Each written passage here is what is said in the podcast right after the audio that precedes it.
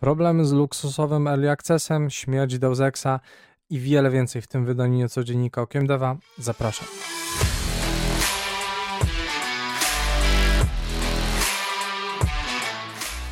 Witam serdecznie, nazywam się Grzegorz Wątroba, to mój kanał Okiem Deva. W dzisiejszym niecodzienniku, czyli nieregularnym podsumowaniu najświeższych wiadomości ze świata gier, mam parę ciekawych informacji, więc zaczynamy. Na początek skrótowo o grach. Shinji Mikami prawdopodobnie zapowiedział Evil Within 3, oryginalna seria horrorowa spod dłuta twórcy serii Resident Evil z pewnością zdobyła uznanie wśród graczy, stąd kolejna część była raczej kwestią czasu. E, potwierdzono, że Assassin's Creed Red będzie miał premierę jeszcze w tym roku i ma być największym hitem ze stanie Ubisoftu e, w, właśnie w tym roku. E, Insider Gaming podaje, że szykuje się nowa część serii Metro, tym razem VR. Ponadto leakerzy podają, iż w produkcji jest kolejna gra w serii o podtytule Awakening. Do tej pory nie potwierdzono, czy to podtytuł gry VR-owej, czy właśnie dwie osobne gry serii są aktualnie w produkcji, no ale w każdym razie dostaniemy coś.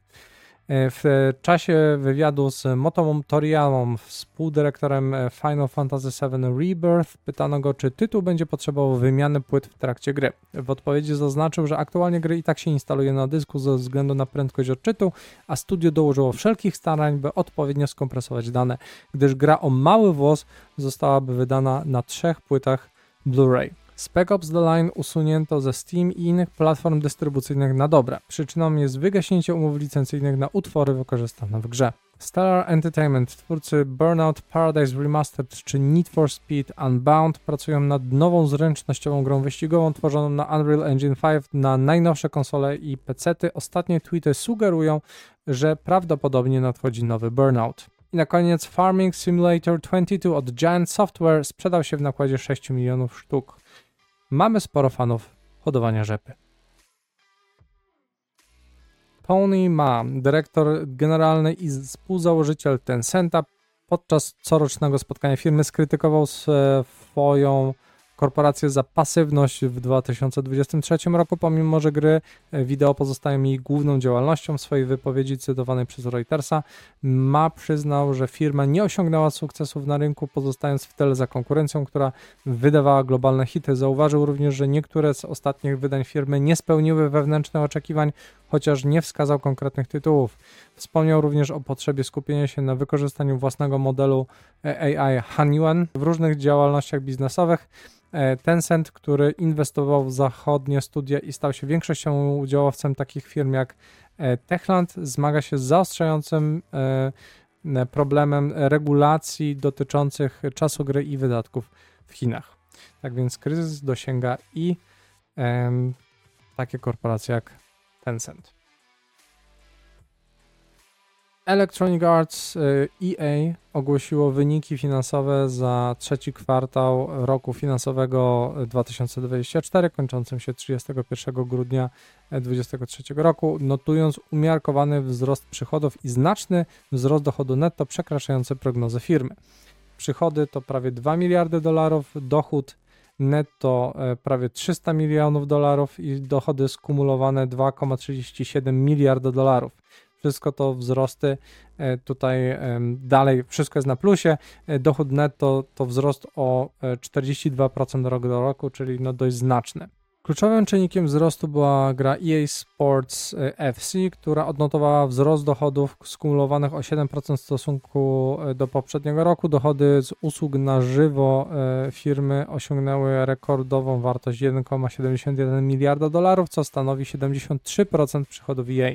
Z kolei sprzedaż pełnych gier spadła o 5% rok do roku, osiągając 654 miliony dolarów EA nieznacznie podniosło prognozy na cały rok, przewidując przychody netto w przedziale od 7,5 do 7,7 miliarda dolarów oraz dochód netto od 1,15 do 1,27 miliarda dolarów. No, kupa kasy. Microsoft ogłosił rekordowe wyniki w swoim dziale gier w raporcie z dochodów za drugi kwartał 2024, w którym co, e, po raz pierwszy uwzględniono przychody z Activision Blizzard. Dział gier Microsoftu obejmujący markę Xbox stał się trzecim największym e, komponentem działalności firmy, wyprzedzając dochody z Windowsa.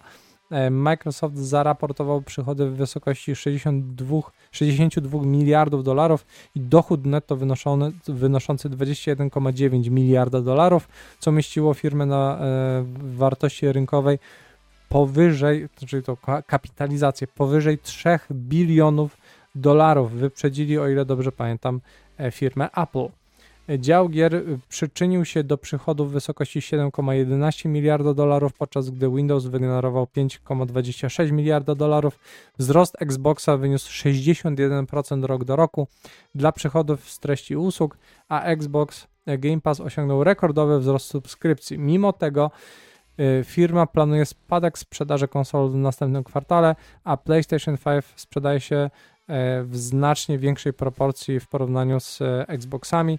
Dodatkowo, mimo tak gargantuicznych dochodów, Microsoft zwalnia prawie 2000 ludzi i to wszystko, e, patrząc na komentarze pracowników, jest jeszcze bardzo niespodziewane, chaotyczne, gdyż decyzje o zwolnieniach nie były konsultowane z lidami, także Przeprowadzono to w bardzo dziwny sposób według wielu analityków, a ludzie e, z branży komentują, że przez to, z racji tego, że właśnie nie konsultowano na przykład e, e, wydajności pracowników, którzy są zwalniani, być może będziemy mieli znowu kolejne problemy z jakością gier ze stani Microsoftu, jeżeli właśnie okaże się, że faktycznie te zwolnienia nie były tak przemyślane, jakby się wydawało stołkom i no może być mało śmiesznie. Już teraz jest mało śmiesznie dla ludzi zwolnionych, ale dla graczy w dłuższej perspektywie też e, może być nieciekawie. Miało piszcie, pytajcie, czy też nie zgadzajcie się ze mną w komentarzach. Na wszelkie pytania postaram się odpowiadać na bieżąco, a najpóźniej w trakcie najbliższego live'a, także zapraszam. Ubisoft, jedna z największych firm w branży gier, e, stoi obecnie przed poważnymi wyzwaniami. W obliczu ogólnoświatowych zwolnień branży, które w styczniu 2024 dotknęły ponad 5600 osób, pracownicy e, Ubisoftu obawiają się o przyszłość firmy i swoje miejsca pracy. Mimo, że firma dotychczas uniknęła masowych zwolnień, z wyjątkiem 124 osób zwolnionych w listopadzie 2023, panuje, panuje przekonanie, że może to ulec zmianie. Wewnątrz Ubisoftu panuje frustracja związana z obecną strategią firmy, która zamiast na innowacjach i kreatywności skupia się na próbach podążania za aktualnymi trendami, które ewidentnie się zmieniają. E, to podejście doprowadziło do licznych anulowanych projektów i marnowania talentów oraz zasobów, w szczególności próby wejścia w rynek Battle Royale, czy też inwestycje w technologię NFT i inne Web3 okazały się e, niepowodzeniami, delikatnie mówiąc, mimo że kosztowały firmę znaczne środki. Pomimo tych wyzwań, Ubisoft ma w planach wiele obiecujących tytułów. W najbliższych latach spodziewane są premiery takich gier jak Star Wars Outlaws, e, Assassin's Creed Codename Red oraz nowe tytuły serii Ghost Recon czy Far Cry. Jedna, jednakże, aby odnieść sukces, firma musi dokonać znacznych zmian zarówno w strategii, jak i zarządzaniu projektami, opóźnienia i problemy związane z zarządzaniem, jakie miały miejsce przy takich produkcjach jak Skull and Bones czy Beyond Good and Evil 2, pokazują potrzebę lepszego planowania i efektywniejszego wykorzystania zasobów. Ubisoft zmaga się również z problemami organizacyjnymi, takimi jak wymóg powrotu do pracy w biurze, które ewidentnie patrząc na Activision Blizzard sprawdza się fantastycznie po prostu e, i właśnie tutaj w przypadku Ubisoftu też spotyka się z krytyką pracowników. Ta decyzja wywołała niepokój wśród personelu, który musi się teraz zmagać z problemami związanymi z opieką na dzieci, kosztami mm, i czasem dojazdów do pracy. Też trzeba pamiętać, że prawdopodobnie Ubisoft, tak samo jak e, Microsoft, robi tak zwane silent layoffs, czyli zmuszając pracowników do powrotu do biura, ci, którzy nie mogą tego dokonać, muszą sami zrezygnować z pracy. Dzięki temu nie muszą, e, nie kwalifikują się do programów masowych zwolnień, nie muszą e, firmy tego ogłaszać, wypłacać jakichś szczególnych odpraw itd., tak itd. Tak Rozumiecie, że po cichu tak naprawdę zwalnia się jeszcze więcej ludzi niż te firmy raportują. To jest dopiero porąbane. W obliczu tych wyzwań przyszłość Ubisoftu wydaje się niepewna. E, sukces nadchodzących gier może pomóc odwrócić negatywny trend i poprawić wizerunek firmy wśród graczy oraz pracowników. Jednakże, aby to osiągnąć, konieczne są głębokie zmiany w, w kulturze firmowej i e, podejściu do zarządzania projektami. Jakiekolwiek dalsze niepowodzenia czy też złe decyzje mogą tylko pogłębić istniejące problemy i przyczynić się do dalszego spadku morale wśród pracowników oraz zaufania wśród graczy. Także Ubisoft ewidentnie musi się ogarnąć.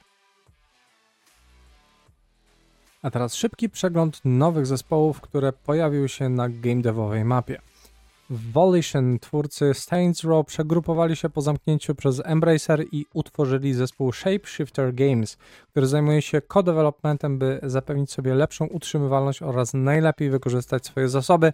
Ogłosili, iż współpracują z jednym z największych wydawców e, i zatrudniają kolejne talenty. Twórcy m.in. Cyberpunka oraz Bioshocka założyli nowe studio o nazwie Anti-Static. Ogłosili pracę nad strzelaniną PvE o nazwie roboczej Hornet, y, która przekracza konwencjonalne ramy tradycyjnych gier wideo. Brzmi enigmatycznie. Y, Hornet będzie prezentowany w trakcie najbliższego GDC i po zebraniu feedbacku studio zamierza się wyskalować i przejść w pełną produkcję. Od 5 lutego nowym szefem Blizzard Entertainment będzie Joanna Ferris, która dołączyła do Activision Blizzard w 2018 roku jako komisarz esportowej dywizji Call of Duty. Jak zauważa Bloomberg, została mianowana prezydentem studia odpowiedzialnego za Overwatch i Diablo po odejściu poprzedniego prezydenta e, Mike'a Ibary w związku z redukcjami w Microsoft prezydenta, prezesa. E, Ferris jest pierwszą e, prezes Blizzarda z doświadczeniem w sporcie. Przed dołączeniem do branży gier pracowała przez niemal 12 lat w NFL, w swojej wiadomości do pracowników e, Blizzard e, podkreśliła różnicę między Blizzard Activision a innymi firmami i wyraziła szacunek dla specyfiki właśnie e, firmy, której teraz będzie przewodzić. Jej przyjście ma miejsce w trudnym okresie dla Blizzarda, zmagającego się ze zwolnieniami i anulowaniem projektu MMO o nazwie kodowej Odyssey.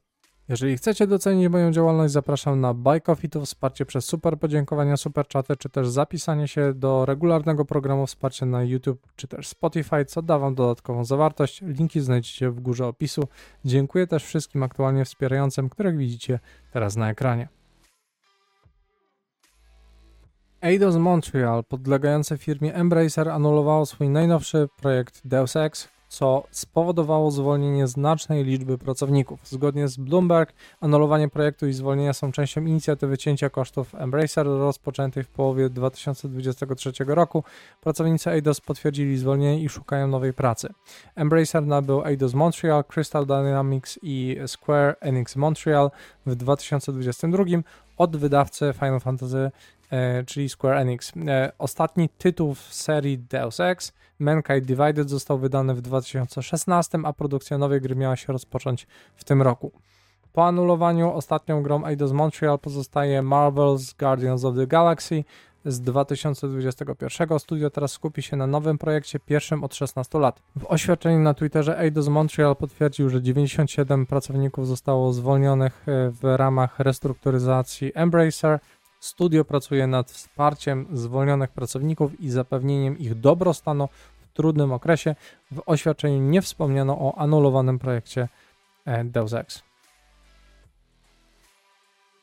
Sega of America planuje zwolnić 61 pracowników 8 marca. Informacja ta została ujawniona przez automatycznego bota na Twitterze, który publikuje powiadomienia o zwolnieniach. Obecnie nie wiadomo, czy zwolnienia są związane z planowanym przez firmę stopniowym wycofaniem pracowników tymczasowych e, do lutego, planem któremu sprzeciwia się też Związek Zawodowy Allied Employees Guild Improving Sega, czyli AGIS e, CWA.